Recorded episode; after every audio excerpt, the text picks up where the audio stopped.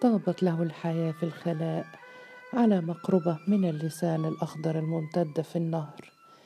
النخلة جليسه وصيد النهر غذاؤه والهواء النقي أليفه ورواد اللسان الأخضر من أهل الصبوات والطرب مثار نقمته ومرتاد عفوه. أما راحة قلبه ففي مناجاة عبد الله البحري. ويجيء عابر النهر بأنباء المدينة علم فيما علم أن الحاكم يوسف الطاهر.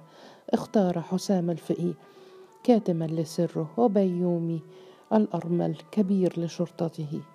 علم أيضا أن قوات الأمن تجتاح الحي كإعصار وأنهم يبحثون عن عبد الله الحمال وأنهم ألقوا القبض على معارفه.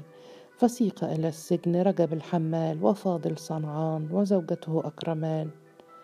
هكذا سرعان ما فني أمنه وجزع قلبه فتوثب من جديد للنضال. لم يذهب ليقتل ولكن ليقدم نفسه فدية عمن يحب. لم يستشعر رهبة ولا خوفا وسما به الإلهام فوق الوساوس. قصد من توه بيوم الأرمل في دار الشرطة وقال بهدوء ورزانة جئت لأعترف بين يديك بأني قاتل عدنان شومة. فانتبه إليه كبير الشرطة متفحصا وسأله من أنت؟ فأجاب عبد الله البري صياد السمك. من منظره شك كبير الشرطة في جنونه فأمر بتكبيله بالحديد اتقاء لخطره ثم سأله ولم قتلت عدنان شومة؟ فأجاب ببساطة إنني مكلف بقتل الأشرار. فسأله من الذي كلفك بذلك؟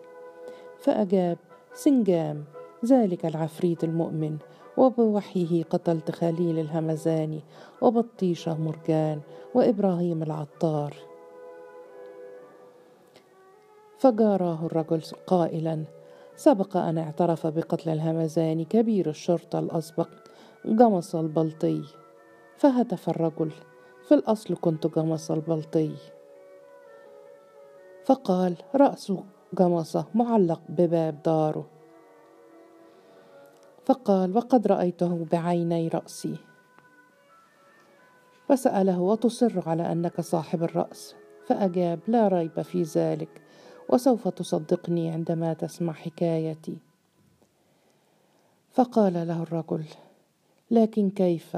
ومتى ركبت هذه الرأس الجديدة؟ فقال دعني أطلب سنجام شاهدا. فصاح الرجل إنك جدير بالإقامة الدائمة في دار المجانين. وأمر بإرساله من توه إلى دار المجانين فمضوا به وهو يصرخ إلي يا سنجام إلي يا عبد الله البحري. وقد عذب فاضل في السجن طويلا ثم لم يجد الحاكم بدا من الإفراج عنه ومن معه. امرا في الوقت نفسه بمضاعفة الجهد للعثور على عبد الله الحمال.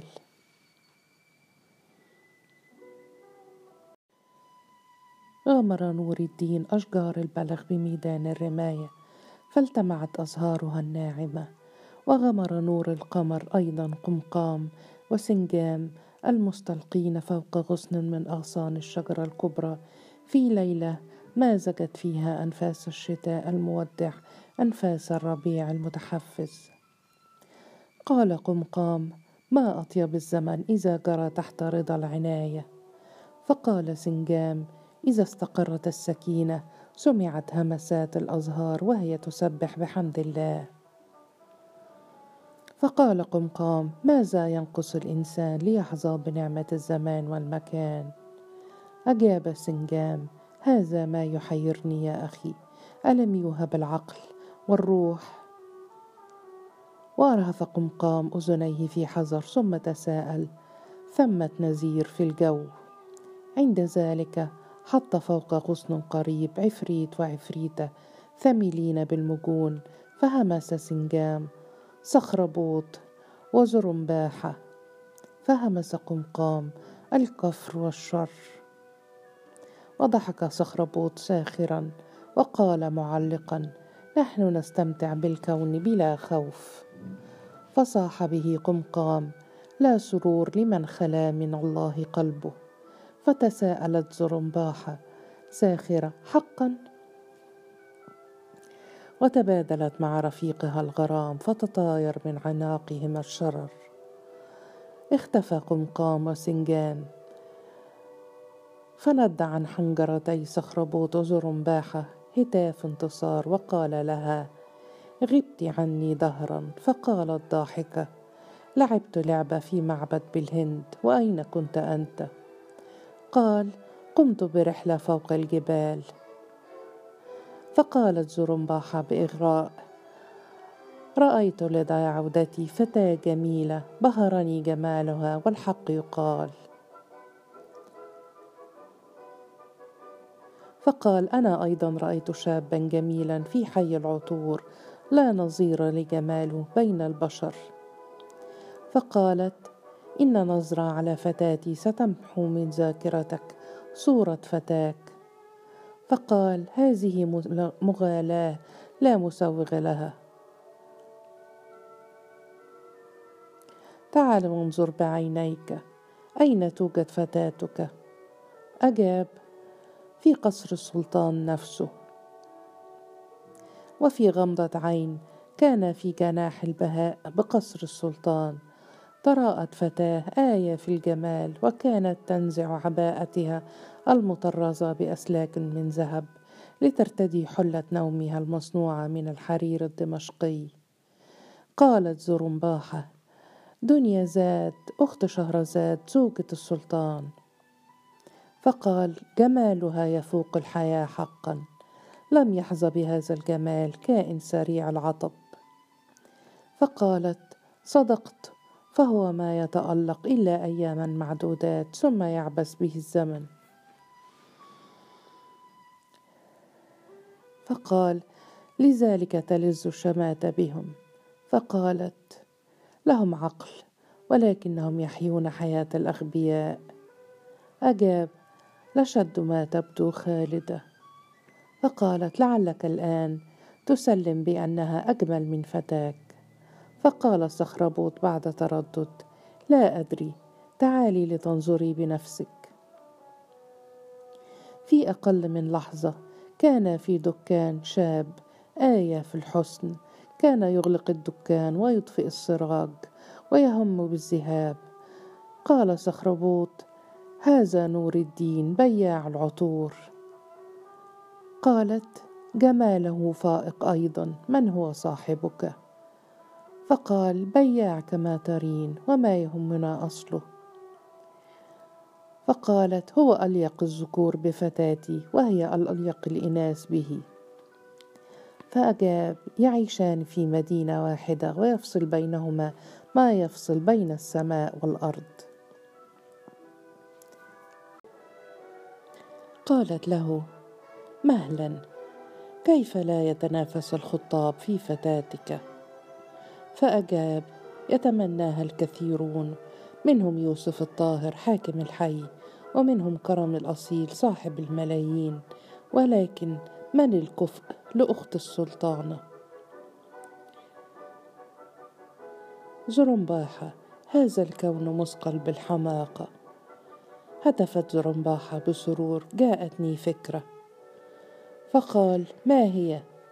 فأجابت فكرة جديرة بإبليس نفسه. فقال لها أشعلت أشواقي. أجابت نجمع بينهما في دعابة ماكرة. انبهرت عينا دنيا زاد السوداوان. إنه حفل زفاف سلطاني سيكون أحد أعاجيب الطرف والأبهة القصر يموج بأضواء الشموع والقناديل. يتلألأ بجواهر المدعوين والمدعوات. يهزج بأغاني المطربين والمطربات. حتى السلطان شهريار باركها أهداها جوهرة الدخلة. قال لها مباركة ليلتك يا دنيا زاد. وانتظرت في المخدع آخر الليل في ثوب محلى بالذهب والمرجان والزمرد. ودعتها أمها وأختها شهرزاد. فانتصرت, فانتظرت وحيدة في المخدع. وشرد ذهنها لا يشغلها إلا ترقبها القلق وقلبها الخفاق. انفتح الباب دخل نور الدين في أبهى حلة دمشقية وعمامة عراقية ومركوب مغربي. تقدم منها كالبدر في تمامه وجلى القناع عن وجهها. ركع على ركبتيه ضم ساقيها إلى صدره. تنهد قائلا ليلة العمر يا حبيبتي. ومضى ينزع ملابسها قطعة قطعة في صمت المخدع المليء بالألحان الباطنية. فتحت دنيا زاد عينيها وقد نضحت الستاره البيضاء بالضياء وجدت نفسها مغموسة في ذكريات النبع المبارك شفتاها نديتان بالقبل أذناها ثملتان بأعزب الكلمات خيالها مفعم بحرارة التنهدات العناق لم يبرح جسدها ولا الحنان. هذه هي الصباحية. ولكن سرعان ما هبت عليها رياح الوعي الصارمه أين العريس؟ ما اسمه؟ متى تمت مقدمات الزفاف؟ رباه لم تخطب ولم تزف ولم يجري في القصر حفل. إنها تنتزع من تنتزع من الحلم كمن يساق إلى النطع. أكان حلما حقا ولكن العهد بالأحلام أنها تتلاشى. لا أن ترسخ وتتجسد حتى لا تلتمس وتشم. ما زالت ترى العريس رؤية العين وتستشعر مسه وحنانه. ما زالت الحجرة معبقة بأنفاسه. وثبت إلى الأرض فاكتشفت عريها. اكتشفت حبها المسفوح. انقضت عليها رعدة نافذة مرعبة. هتفت في يأس. إنه الجنون. ونظرت فيما حولها بذهول. وهتفت مرة أخرى. إنه الهلاك. ولاح لها الجنون. كوحش يطاردها.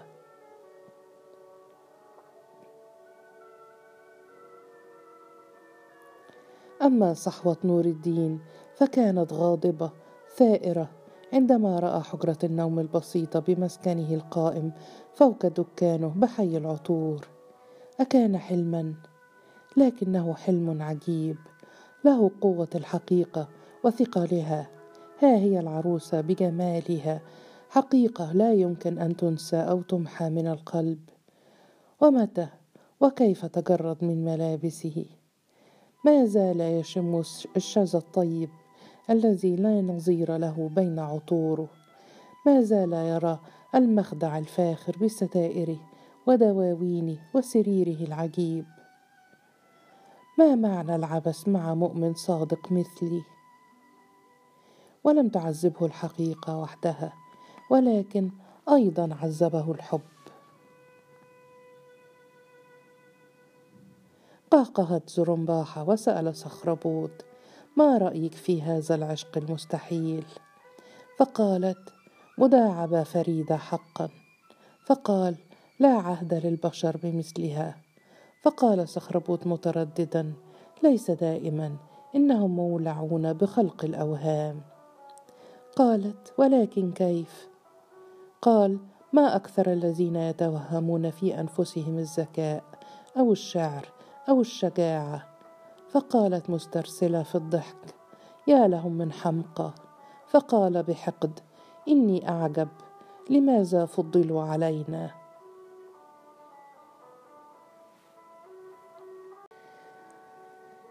سلمت دنيا زاد بأن سرها أثقل من أن تحمله وحدها. هرعت إلى جناح شهرزاد عقب ذهاب شهريار إلى مجلس الحكم. وما إن رأتها شهرزاد حتى قالت بقلق ماذا بك يا أختي؟ فجلست على وسادة عند قدمي السلطانة ورفعت إليها عينين مستغيثتين وقالت وهي تنشك في البكاء ليته كان مرضا أو موتا. قالت شهرزاد أعوذ بالله افترقنا أمس على خير حال. قالت دنيا زاد ثم وقع ما لا يقع في دنيا العقلاء. فقالت شهرزاد حدثيني فقد بدت بددت الطمأنينة من نفسي. فأسدلت عينيها ثم قصت عليها قصتها التي بدأت بزفاف وهمي وانتهت بدم حقيقي. تابعتها شهرزاد بقلق وريبة ثم قالت برجاء لا تخفي شيئا عن أختك. فقالت أحلف لك برب الكون. أني ما أضفت إلى قصتي حرفا ولا نقصت منها حرفا. فتساءلت شهرزاد أيكون وغدا من رجال القصر؟ فقالت دنيا زاد كلا كلا ما وقعت عليه عيناي من قبل. تساءلت شهرزاد أي عقل يقبل قصتك؟ فأجابت هذا ما أحدث به نفسي. إنها قصة شبيهة بقصصك العجيبة. قالت شهرزاد قصصي مستوحاة. من عالم آخر يا دنيا زاد. فقالت متنهدة لقد وقعت أسيرة صدق عالمك الخفي ولكني لا أريد أن أكون ضحيته. فقالت شهرزاد بأسى سأعرف الحقيقة. عاجلا أو آجلا ولكني أخشى أن تدهمنا الفضيحة قبل ذلك. قالت دنيا زاد هو ما يقتلني خوفا وغما. فقالت شهرزاد إن عرف السلطان حكايتك استيقظت من جديد شكوكه وارتد إلى سوء ظنه بجنسنا. وربما أرسل بي إلى الجلاد ورجع إلى سيرته الأولى.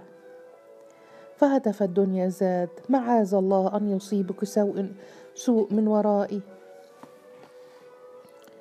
وتفكرت شهرزاد مليا ثم قالت فلنحفظ قصتك سرا ولن يدري بها السلطان ولا أبي. سأدبر ما ينبغي فعله مع أمي ولكن يجب أن تعودي إلى دارنا بحجة الحنين إلى أهلك. فتمتم الدنيا زاد. ما أتعس حظي.